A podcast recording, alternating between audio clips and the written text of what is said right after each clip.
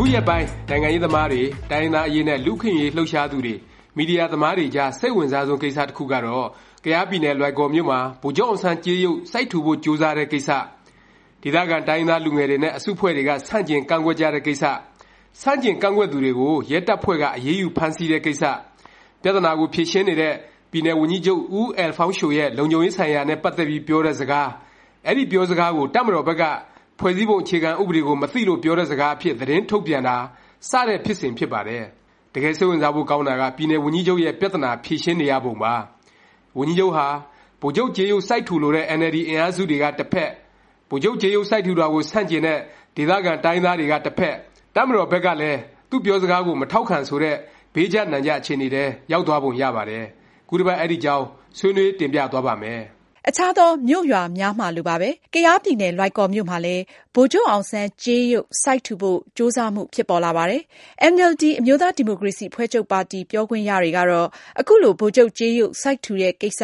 သူတို့အစိုးရ၊သူတို့ပါတီက လုပ်ကိုင်ဆောင်ရွက်နေတာ မဟုတ်၊ပြည်သူတွေက သူတို့ဖာသာ ဆောင်ရွက်တာဖြစ်တယ်လို့ ပြောကြပါတယ်။အင်န်အယ်လ်ဒီအစိုးရ၊အင်န်အယ်လ်ဒီပါတီက တိုက်ရိုက် အကောင်အထည်ဖော်တာမျိုး မဟုတ်ဘူးဆိုပေမယ့် ဗိုလ်ချုပ်ကြေးရုပ် စိုက်ထူဖို့ ကြိုးစားကြသူတွေကတော့အင်န်အယ်လ်ဒီပါတီဝင်တွေ၊ပါတီလိုလားသူတွေဖြစ်ဖို့များပါတယ်။ကယားပြည်နယ် လွိုင်ကော်မြို့ ကန်ဒါဟေဝန် ပန်းခြံတွင်း ဗိုလ်ချုပ်ကြေးရုပ် စိုက်ထူရေး ဖြစ်မြောက်ရေးကော်မတီကိုတော့ ကယားပြည်နယ်အစိုးရကိုယ်တိုင် ဦးဆောင်ဖွဲ့စည်း အကောင်အထည်ဖော်ပေးခဲ့တာပါ။နောက်တော့ အားလုံးသိကြပြီဖြစ်တဲ့အတိုင်း ဒေသခံ တိုင်းရင်းသားလူငယ်တွေနဲ့ အစုအဖွဲ့တွေရဲ့ ကန့်ကွက်မှု ထွက်ပေါ်လာပါတယ်။တကယ်တော့ အဲဒီ ကန့်ကွက်ကြတယ်ဆိုတဲ့ ဒေသခံလူငယ်ခေါင်းဆောင်တွေဆိုတာကလည်း တခြားသူတွေ မဟုတ်ပါဘူး။တချိန်က စစ်အာဏာရှင်စနစ်ကို တွန်းလှန်ရာမှာ အနစ်နာခံ၊အပင်ပန်းခံ ပါဝင်ခဲ့ကြတဲ့အင်န်အယ်လ်ဒီလှုပ်ရှားမှုတွေမှာ ဝင်ပါ၊ဝင်လုပ်ခဲ့ကြတဲ့၊နောက်ဆုံး ၂၀၁၅ မှာ အင်န်အယ်လ်ဒီ ပါတီ အနိုင်ရအောင် ကူညီခဲ့ကြတဲ့ ကရင်နီလူငယ်တွေပါ။ အဲဒီ ကရင်နီလူငယ်တွေရဲ့ အကြောင်းပြချက်ကတော့ သူတို့အနေနဲ့ ဗိုလ်ချုပ်အောင်ဆန်းကို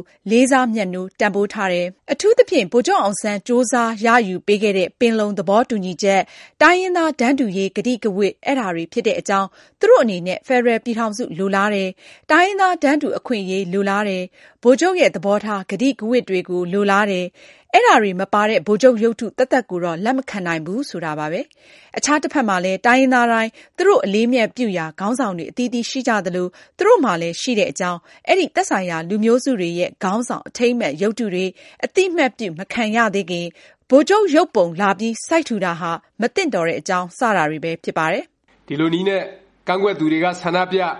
ကရင်နီပြည် သမိုင်းကြောင်းနဲ့ဆိုင်တဲ့ စာရွက်တွေဝေ၊ အစိုးရနဲ့ရဲတပ်ဖွဲ့ဘက်ကတော့ဆန္ဒပြမှုတွေဟာတည်ဆဲဥပဒေနဲ့မညီဘူးဆိုပြီးတားမြစ်၊ခေါင်းဆောင်တွေကိုဖမ်းပြီးတရားရုံးပို့၊တရားစွဲခံရ၊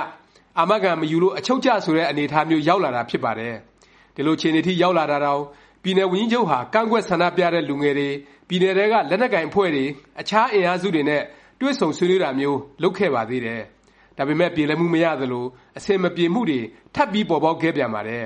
။အဲဒါကတော့ဝန်ကြီးချုပ်ရဲ့ပြောစကားတခွန်းကြောင့်ပါ။ အပြည့်အစုံကတော့ဒီလိုမျိုးဆူပူသောင်းကျန်းမှုတွေ၊မငြိမ်သက်မှုတွေဖြစ်လာရင်ကျနော်ကိုယ်တိုင်ကလည်းတပ်မတော်ကိုတာဝန်ပေးမှာဖြစ်ပါတယ်။ထိန်းသိမ်းရမှာဖွဲ့စည်းပုံအခြေခံဥပဒေအရသူ့မှာတာဝန်အပြည့်အ၀ရှိနေတယ်၊သူကတော့ဖြေရှင်းသင့်ဖြေရှင်းထိုက်တာတွေကိုဖြေရှင်းရမှာဖြစ်ပါတယ်။ကျနော်ကလည်းဒီမှာလိုအပ်တဲ့လမ်းညွှန်မှုတွေပေးသွားမှာဖြစ်ပါတယ်။တကယ်လို့ပြောတဲ့ကြားထဲမှာဖြစ်လာခဲ့ရင်ကျနော်တို့ရဲတပ်ဖွဲ့အင်အားကအနည်းလေးပဲ၊အဲတော့တပ်ကိုလိုလို့ရှိရင်သူ့ကိုထိန်းခိုင်းဖို့အမိန့်ပေးရမယ်၊ တာဝန်ပေးရမယ်၊ဒါကျနော့်ရဲ့လုပ်ဆောင်ရမယ့်တာဝန်ဖြစ်တယ်ဆိုပြီးဖြစ်ပါတယ်။ဒီပြောဆိုချက်ကိုတိုင်းရင်းသားအင်အားစုတွေဘက်ကခါးခါးသီးသီးဖြစ်ကြပါတယ်။ဝန်ကြီးချုပ်ဟာဆန္ဒပြတာကိုစစ်တပ်နဲ့နှိမ်နင်းဖို့ခြိမ်းခြောက်တယ်ဆိုပြီးဖြစ်ပါတယ်။ အဲလိုအချိန် အများက မထင်မှတ်ပဲထွက်ပေါ်လာတာကတော့ တပ်မတော်ဘက်က သတင်းထုတ်ပြန်ချက်ပါ။တပ်မတော် သတင်းမှန်ပြန်ကြားရေး ထုတ်ပြန်ချက်ထဲမှာ ပါတာကတော့ အရေးပေါ်အခြေအနေနဲ့ ပတ်သက်ရင် ဖွဲ့စည်းပုံအခြေခံဥပဒေ ၂၀၀၈ ခုနှစ် အခန်းပုဒ်မ ၄၁၀ နဲ့ ၄၁၂၊၄၁၃ မှာ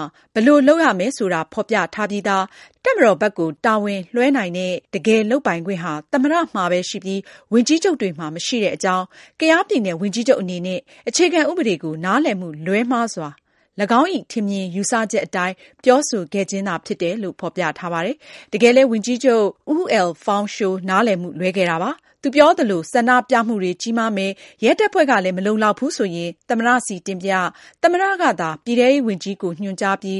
လွိုင်ကော်ကို ရဲတပ်ဖွဲ့ဝင် အင်အားထပ်ပို့တာမျိုး လုပ်နိုင်ပါတယ်။အခြားနည်းလမ်းတွေလည်း ရှိနိုင်ပါတယ်။ဘယ်လိုပဲဖြစ်ဖြစ် လက်နက်ကိုင်ဆောင်ထားတာမရှိတဲ့ ဆန္ဒပြသူတွေကို စစ်တပ်ခေါ်ပြီး ဖြေရှင်းခိုင်းမယ်လို့ ပြောမိတဲ့အတွက် တိုင်းရင်းသားတွေဘက်ကတော့ ဝန်ကြီးချုပ်အပေါ် မကျေမနပ် ဖြစ်သွားကြမှာကတော့ အမှန်ပါပဲ။နောက်ဆုံးမှာတော့ ဝန်ကြီးချုပ်ဟာ အစိုးရက ဦးဆောင်ဖွဲ့စည်းထားတဲ့ ဗိုလ်ချုပ်ကြေးရုပ် စိုက်ထူရေး ကော်မတီကို ဖျက်သိမ်းပေးလိုက်ပါတယ်။တကယ်လို့ ပုဂ္ဂလိက ပြည်သူတွေဘက်က လုပ်ကြကိုင်ကြရင်တော့ ကူညီမယ်လို့ ထုတ်ပြန်ပါတယ်။ အားလုံးကိုခြုံငုံသုံးသပ်ကြည့်လိုက်ရင်ကယားပြည်နယ်ဝန်ကြီးချုပ်ဦးအယ်လ်ဖောင်းရှိုဟာအင်န်အယ်လ်ဒီ၊ကရင်နီတိုင်းရင်းသားအစုအဖွဲ့တွေနဲ့တပ်မတော်အင်အားစုသုံးခုကြားထဲရောက်သွားတဲ့ပုံမြင်ကြရပါလိမ့်မယ်။ဒါပေမယ့်သူ့အနေနဲ့ဘယ်လောက်ပဲကြိုးစားကြိုးစား၊ဘယ်လောက်ပဲတွေ့ဆုံညှိနှိုင်းတာတွေလုပ်လုပ်ဘယ်အင်အားစုရဲ့လိုအင်ဆန္ဒကိုမှမဖြည့်ဆည်းနိုင်၊ဘယ်အင်အားစုကိုမှလည်းကျေနပ်အောင်စွမ်းဆောင်မပေးနိုင်ခဲ့ကြောင်းပါ